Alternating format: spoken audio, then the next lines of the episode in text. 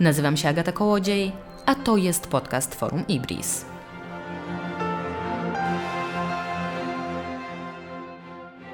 Dziś z nieco przewrotną tezą. Polska to nie jest kraj dla bogatych ludzi. Popatrzmy na to od tej strony. Jesteś jednym z najbogatszych Polaków. Koń miażdży ci stopę, a ty masz problem z dostaniem się do lekarza. Prywatnie i to z platynowym abonamentem, bo prywatna sieć placówek medycznych jest już tak samo zapchana jak publiczny system. Zeszła pod strzechy, a zamożni zostali porzuceni. Politycy też ich porzucili. No bo kto ma w swoim programie troskę o przedsiębiorców, którzy wraz ze swoim kapitałem są motorem rozwoju? Platforma Obywatelska, ścigając się z PiSem, wyraźnie skręciła w stronę socjaldemokracji, a Konfederacji nie liczmy, bo udowodniła, że szafuje tylko nośnymi hasłami, ale spójnego pomysłu wcale nie ma i przyparta do murów pada niedasizm. Pozostaje pytanie, czy nie jesteśmy przypadkiem w takim momencie w historii, kiedy bogaci wypadli z klubu ustalania agendy politycznej, a może nawet wypadli z debaty publicznej jako podmiot. Pozostali najwyżej jej przedmiotem i to raczej w roli chłopca do bycia. I o tym porozmawiam dziś z profesorem Adamem Leszczyńskim z Uniwersytetu SWPS w Warszawie, historykiem, socjologiem i publicystą. Dzień dobry, panie profesorze. Dzień dobry, dzień dobry. A ja się mogę nie zgodzić, prawda? Absolutnie, będziemy tę tezę weryfikować. Ale mi ona przyszła do głowy, że dobrze byłoby się w, jakimś, w jakiejś mierze z nią zmierzyć, dlatego że rzeczywiście trafiłam e, na, na taki post na, na Twitterze jakiś czas temu mm, Ryszarda Wojtkowskiego, który rzeczywiście e, jest bywalcem popularnych list najbogatszych Polaków. Wszyscy na ten tweet trafiliśmy. Właśnie. I wtedy przy, druga myśl po przeczytaniu tego tweeta moja była taka, że właściwie rzeczywiście pewien zakres usług, który kiedyś był dedykowany najbogatszej grupie, bardzo spowszedniał i coraz więcej ludzi ma do niego dostęp, a jednocześnie być może w wielu zakresach nie mamy, nie, nie wykształciła się jeszcze wyższa półka, która byłaby taka bardzo elitarna. I co ci bogaci właściwie teraz mają zrobić? Punktem wyjścia była ta służba zdrowia. A potem myśl polityczna, że rzeczywiście Platforma, która zawsze była taką e, partią dbającą o tych najbogatszych, też się od nich odwróciła. No, na, na, pytanie, co bogaci mają zrobić, ja bym powiedział, że mają głosować na socjaldemokrację, ale ich nie przekonam, bo wtedy służba zdrowia mogłaby być dobra dla wszystkich, a nie tylko dla nich e, działać, e, ale oczywiście to się nie wydarzy. A e, wracając do przypadku mm, tego bardzo zamożnego człowieka, który nie mógł się doczekać po wypadku, którego mm, żona nie mogła się doczekać po wypadku należytej obsługi lekarskiej, no to jest to oczywiście bardzo przykra sytuacja, ale też e, mam wrażenie, tak jak widziałem reakcję na ten tweet, że ona się spotkała z, jednak z mm, umiarkowanym współczuciem, prawda? E, raczej z takim właśnie poczuciem Schadenfreude i takiego takiego, takiej pewnej satysfakcji, że jednak nie wszystko da się kupić jeszcze za platynową kartę. I że y, zwykły człowiek czeka na sorze, czasami bardzo długo, i na to bogaty też może poczekać. Właściwie dlaczego nie? nie? Wszyscy mamy takie same nogi albo takie same. Nie.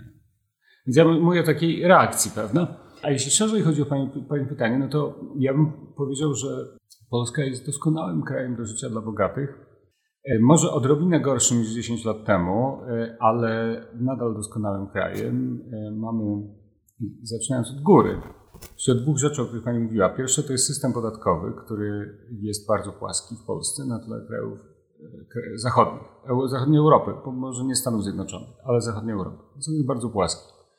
Co oznacza, że jako na przykład osoba samozatrudniona, doskonale zarabiająca, płaci Pani podatek niższy niż osoba zatrudniona na etacie.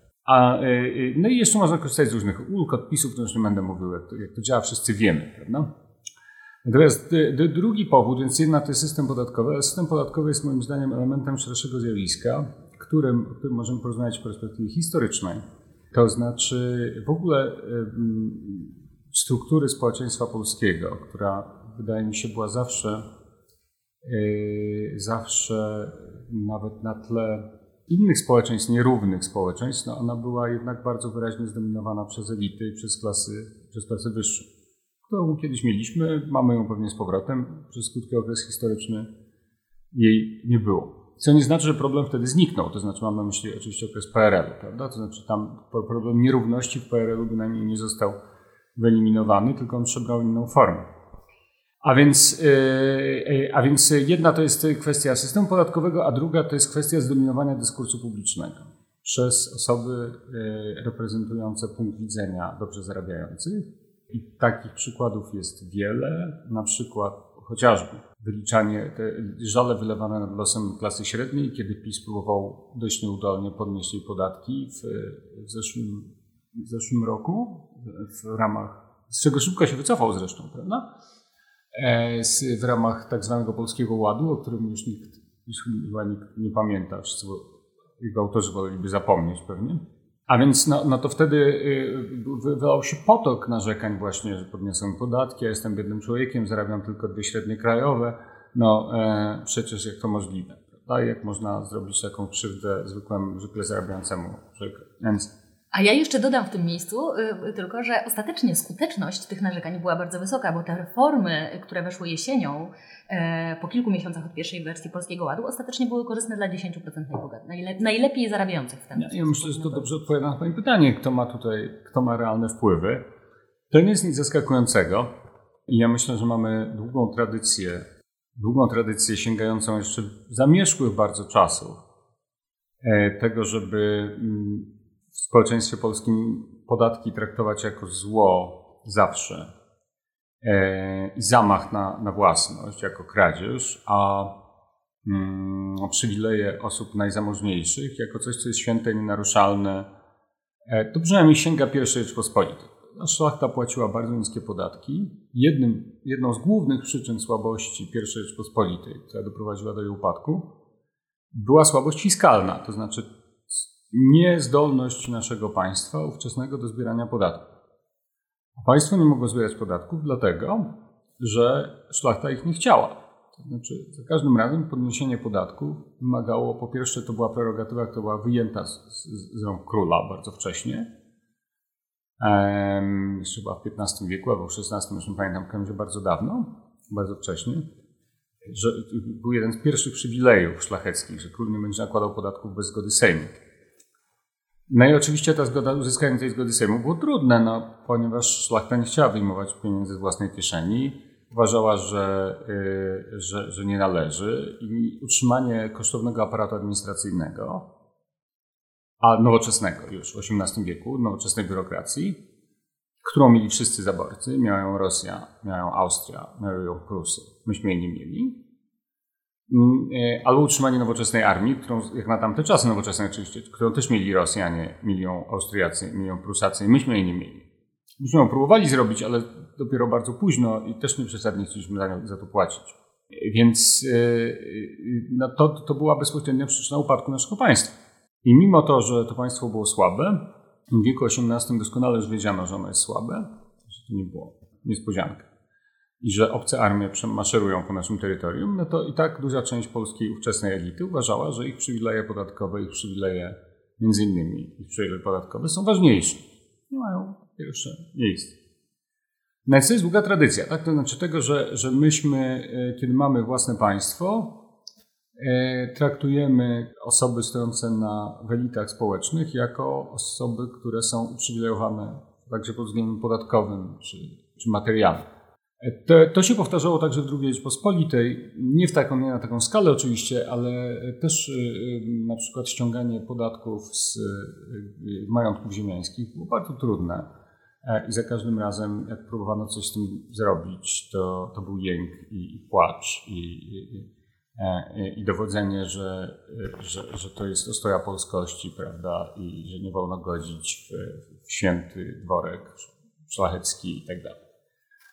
A więc no, to, jest, y, to jest nasza tradycja. Tak? Znaczy, naszą tradycją, yy, ja bym jej nie przeceniał pewnie yy, jako, jako zjawisko, ale jeżeli coś na społeczeństwo polskie jako wspólnota polityczna ma w swoim DNA, no to ma między innymi coś takiego, tak? To znaczy, właśnie przekonanie, że podatki są czymś złym, że nie należy ich płacić, a w szczególności najbogatsi nie chcą ich płacić.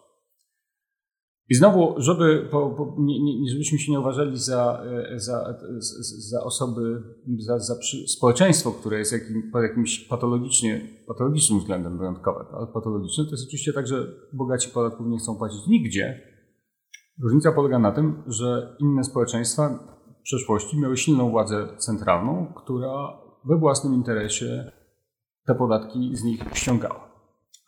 E, I przy okazji odbierając im dużą część władzy i wpływów. Bardzo często. Tak było na przykład we Francji za czasów Ludwika XIV i wcześniejszych, takiej narastającej centralizacji. Tak było w Rosji carskiej, tak było w wielu ówczesnych, nowoczesnych państwach. A więc w Polsce słabość tradycyjnie, już kończąc, powiem pytanie, tradycyjnie słabość władzy, słabość państwa, słabość aparatu państwowego była połączona z uprzywilejowaniem podatkowym, finansowym osób najzamożniejszych.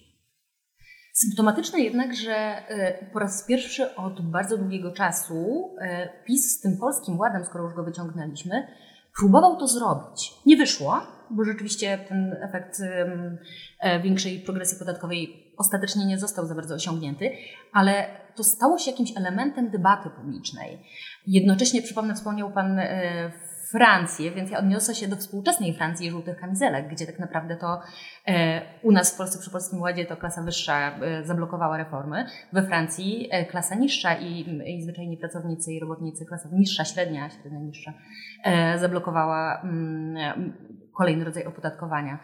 Więc zastanawiam się, czy to, że nieistotne, czy jaki mamy stan faktyczny i że ten, to opodatkowanie przy Polskim Ładzie nam nie wyszło, ale sam fakt tego, że to się stało ważnym tematem i że jakaś partia polityczna próbowała to zrobić, nie jest już jakimś zwrotem bardziej i przesunięciem ciężaru w stronę klasy ludowej i odrobinę jednak odsunięciem się w, w debacie publicznej od tych osób najbardziej zamożnych, że może łamiemy jakieś neoliberalne mity, które rządzą nami? Ja myślę, że y, te neoliberalne mity, o których Pani mówi, one są kwestionowane na całym świecie, na różnych poziomach i to oczywiście dochodzi także do Polski. Mm, to widać było w polityce. Mm, one, ich upadek zaczyna się od czasów wielkiego kryzysu finansowego tak naprawdę na Zachodzie, ale później ciągiem dalszym jest pandemia a także teraz strategiczna rywalizacja pomiędzy Stanami Zjednoczonymi i Chinami. A zatem różne dogmaty neoliberalne okazują się nieprzydatne. Pada, następuje wycofanie się z globalizacji e, stopniowe, następuje powrót do polityki przemysłowej na Zachodzie, czyli do reindustrializacja, powrót fabryk już w innym wydaniu, tak? nie zautomatyzowanych, ale jakby przenoszenie produkcji z powrotem, onshoring, taki ma, ma taki, tytuł, taki, taką, taki termin w, w, w świecie anglosaskim. A więc różne neoliberalne dogmaty upadają. I teraz w okresie aktywizmu państwowego, który pewnie wchodzimy na Zachodzie, a więc w okresie zimnej wojny i rywalizacji pomiędzy dwoma wielkimi blokami, między blokiem komunistycznym a blokiem zachodnim, na świat zachodni był zupełnie inaczej zorganizowany. Miał, to był, był, było silne państwo, które sterowało politykami przemysłowymi. E, dbało o to, żeby strategiczne wszystkie zasoby mieć pod kontrolą własną e, i również ograniczało nierówności bardzo aktywną polityką fiskalną. I oczywiście e, realna stopa podatkowa pewnie dla mało kogo wynosiła te 90%, bo to są znane prawda, sprawy, że w czasie zimnej wojny i to za administracji republikanów, bo za, za, za Eisenhowera w Stanach górna, ostatnia, ostatni szczebel podatkowy wynosił chyba 90%. No to oczywiście mało kto go płacił, czy w ogóle się do niego zbliżał, ale, y, no, ale to jako symbol nawet miało znaczenie. To znaczy, że ograniczamy konsumpcję najbogatszych po to, żeby mieć, żeby realizować jakiś wspólny cel, który jest nadrzędny. W tym wypadku tym celem była rywalizacja o przetrwanie w ogóle świata zachodniego, rywalizacji z bardzo potężnym, jak się wówczas zdawało, przeciwnikiem. Więc myślę, że y, neoliberalne dogmaty odjeżdżają w przeszłość, gdyż zmieniła się w ogóle sytuacja światowa. A ponieważ do Polski to zawsze dociera z pewnym opóźnieniem wszystkie takie zmiany, myślę, że one dotrą wkrótce i do nas. E, I że to, co próbował zrobić PiS, jest taką, e, taką troszeczkę zapowiedzią zmiany tej dyskusji. I że w przyszłości czeka nas niechybnie przykręcenie fiskalnej śruby osobom najzamożniejszym w ten czy inny sposób w Polsce. E, I powody mogą być różne, to mogą być zbrojenia na przykład. Tak, ma, Polska mamy, ma w tej chwili, to nie chodzi o politykę społeczną nawet, nie chodzi o transfery do osób najuboższych, e, tylko chodzi o zbrojenia, które będą kosztowe, będą niesłychanie drogie i które trzeba z czymś finansować. Bezprecedensową w Polski w ciągu ostatniego 30-lecia e, skalę i ktokolwiek będzie rządził po jesiennych wyborach, prawdopodobnie ten program utrzyma, program zbrojeniowy, e, oraz stanie przed problemem, jak za niego zapłacić. I podniesienie podatków wydaje się bardzo sensowną decyzją. No skoro wszyscy się zrzucamy na własne bezpieczeństwo, no to nie ma najmniejszego powodu, aby utrzymać uprzywilejowanie, względne uprzywilejowanie osób najzamożniejszych. Także e, z punktu widzenia perspektywy historycznej. Mamy, mamy okresy pewnie w historii, w których e, i to są okresy zazwyczaj względnego spokoju i dobrobytu oraz dominacji Zachodu, niekwestionowanej, czyli na przykład koniec XIX wieku, no, w którym dominuje polityka niskich podatków, niskiego interwencjonizmu i wysokich nierówności, i mamy okresy w historii Zachodu, kapitalistycznego, demokratycznego Zachodu, chciałbym, żeby to była jasność, w którym potrzebna jest mobilizacja zasobów, w których potrzebna jest mobilizacja zachodów, za, za, zasobów społecznych. I wówczas sięga się także do kieszeni najbogatszych. Myślę, że w tej fazie, do, do, do tej fazy się zbliżamy zarówno, czy zbliżają się zarówno Stany Zjednoczone, jak i zbliża się Europa. E, I to nie ominie także Polski. A więc na miejscu polskiej klasy wyższej cieszyłbym się ostatnimi latami zapewne bardzo niskich i uprzywilejowanych. Może ten rok, może następny, może jeszcze jeden, ale myślę, że to jest ten, ten horyzont. To raczej spodziewałbym się podwyżki obciążeń w ten czy inny sposób w tym przedziale czasowym.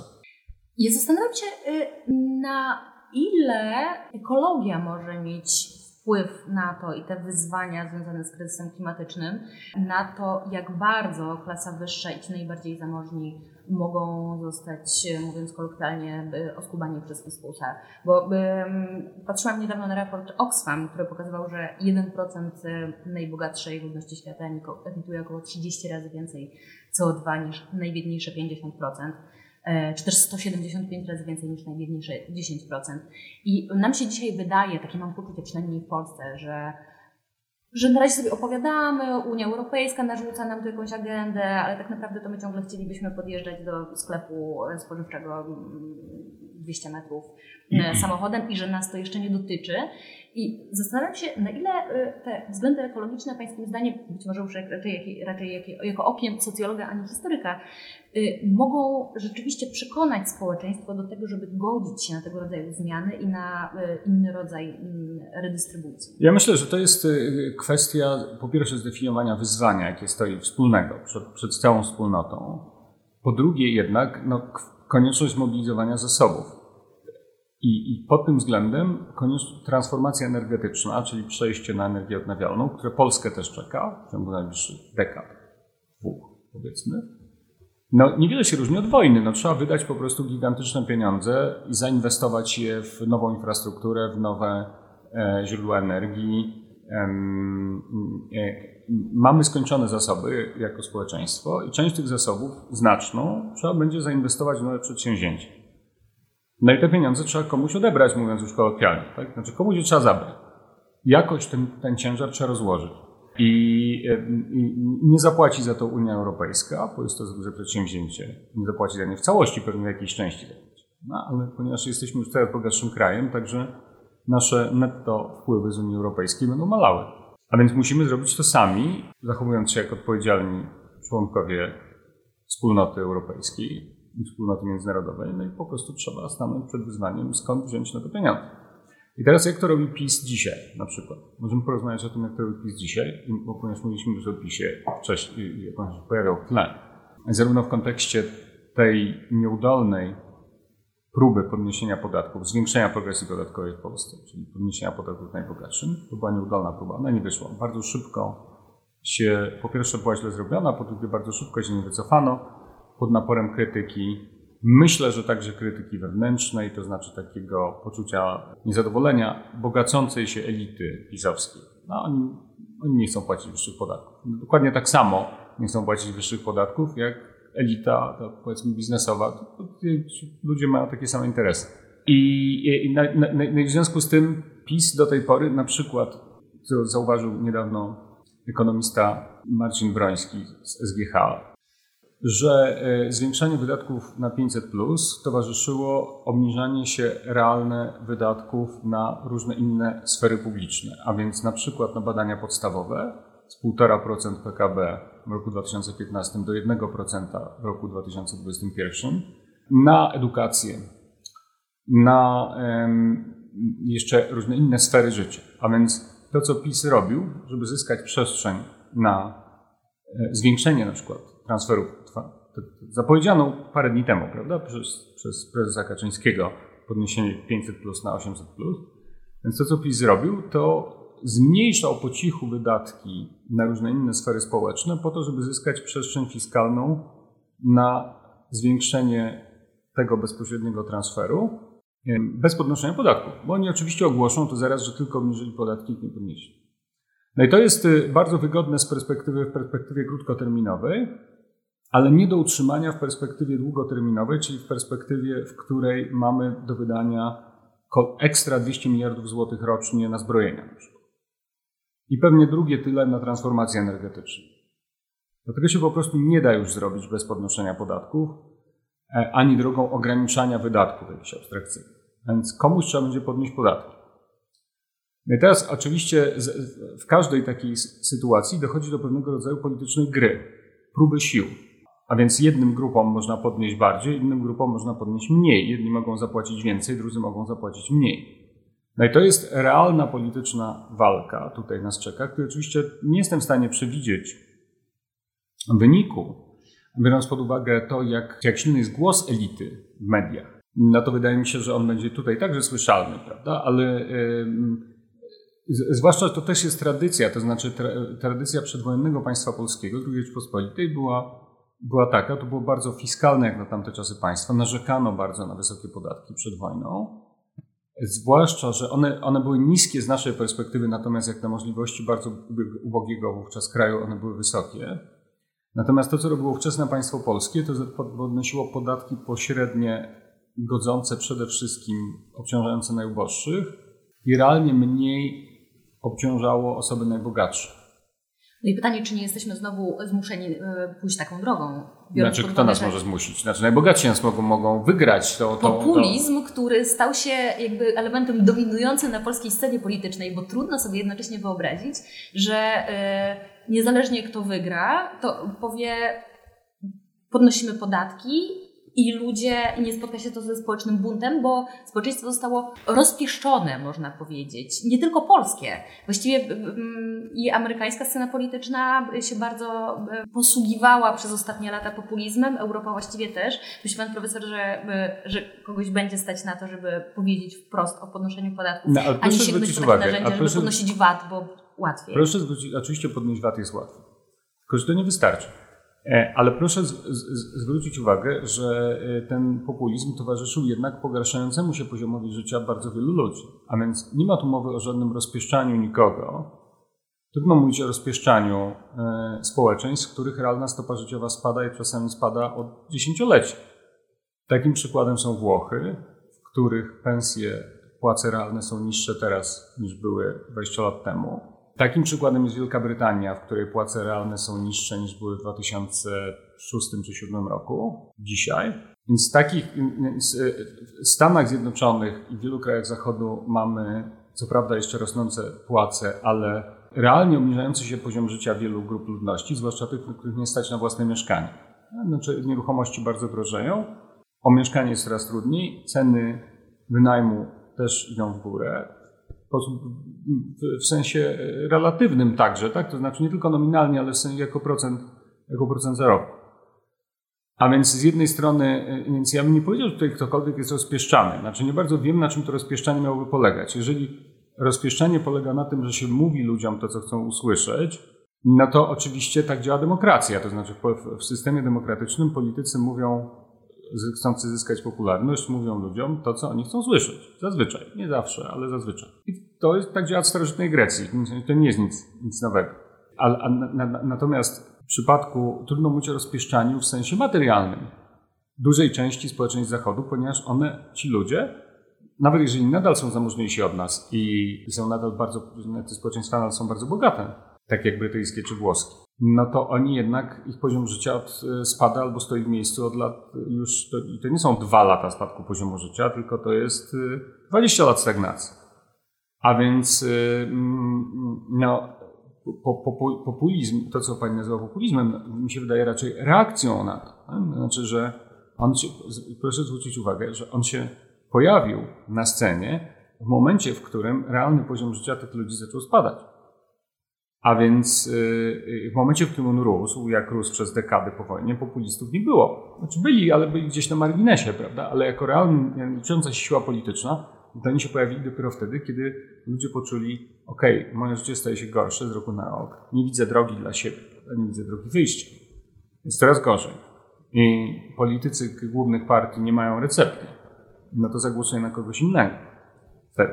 No i ci inni oczywiście się pojawiają z różnymi obietnicami. Donald Trump się pojawia, czy, czy y, ludzie od Brexitu, czy y, we Włoszech, y, czy, czy włoscy populiści i tak I, I teraz z mojej perspektywy populizm jest reakcją, w sensie jego popularność, nie samo istnienie, bo oni byli zawsze ci, ale jest reakcją, a nie, a nie powodem. Nie, znaczy to, to jest symptom, a nie, a nie powód tej choroby, która trapi świat zachodni i demokrację zachodnią. No i teraz to, to, co słyszę od partii, często od partii tak, tych tradycyjnych partii centrum, nie tylko na Zachodzie, ale także w Polsce, no to takie wezwania mówią, no dobrze, jest ciężko, musicie zacisnąć zęby, e, będzie e, i ciężko pracować.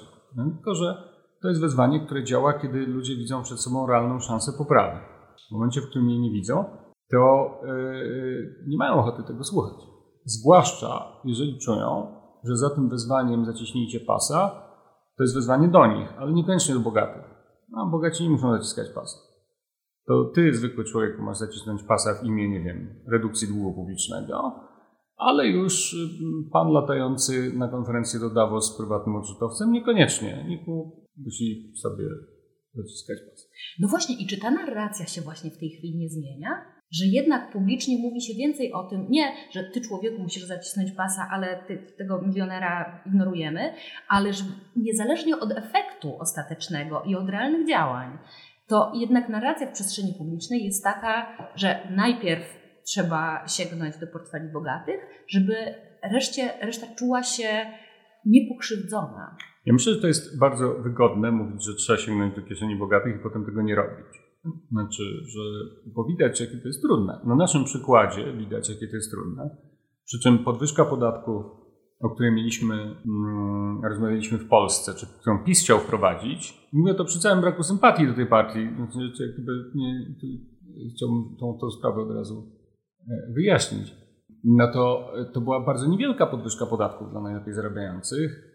I ona i tak spotkała się z absolutnym oporem, po prostu jakimiś histerycznymi płaczami E, w mediach, e, że to wykończy klasę średnią. Były nawet, e, pamiętam, takie głosy protestu przeciwko tak zwanej daninie solidarnościowej, czyli tym ekstra podatku dla ludzi, którzy zarabiają, bo jest to podatek oczywiście żadna danina, powyżej miliona złotych rocznie. Tak, taka jest. Więc i, i, mam wrażenie, że przeczytałem więcej artykułów narzekających na to w prasie na przykład biznesowej czy, czy, czy liberalnej, niż realnie tych ludzi w ogóle w Polsce istnieje, tych, tych, tych zarabiających 8 miliona złotych, bo to jest pewnie, ile to nie pamiętam, to jest parę tysięcy podatników, prawda? Patrz tam, kilkanaście tysięcy osób zarabia 8 miliona złotych rocznie. A więc y, ja myślę, że bogaci mają w polskim dyskursie publicznym mają gigantyczną przewagę. Mają jeszcze większą przewagę w polskim dyskursie publicznym niż, niż w, w realnym życiu politycznym. Znaczy, w mediach głównie o ich interesach się mówi, często zacierając na przykład e, zacierając na przykład e, fakt, e, są różne takie zabiegi retoryczne, które się pojawiają, śledzę w mediach mm, z zainteresowaniem, mówi się o klasie średniej na przykład, przy czym klasa średnia, podając jako klasę średnią ludzi zarabiających wielokrotność średniej krajowej w Polsce.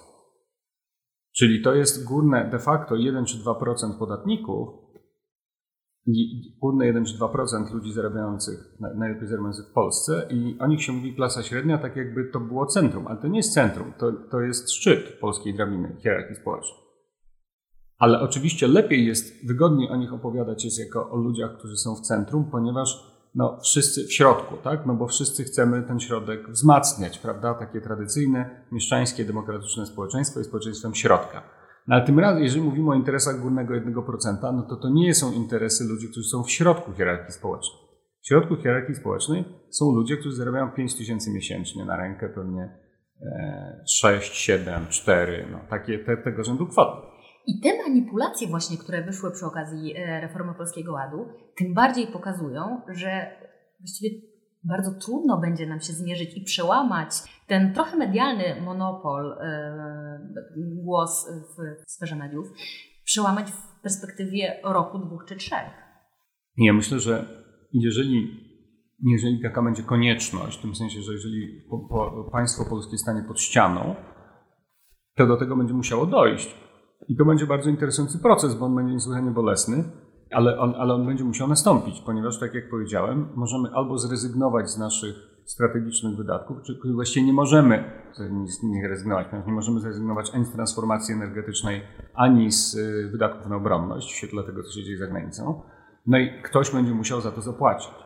Na razie jest tak, że rząd PiS w sposób umiarkowanie odpowiedzialny, jak mi się wydaje, e, próbuje albo wypchnąć te wydatki za budżet, tak żeby ich nie było widać, mówię tu o wydatkach zbrojeniowych, tak żeby ich nie było widać w tych formalnych statystykach, bo jakoś upchnąć gdzieś, tak?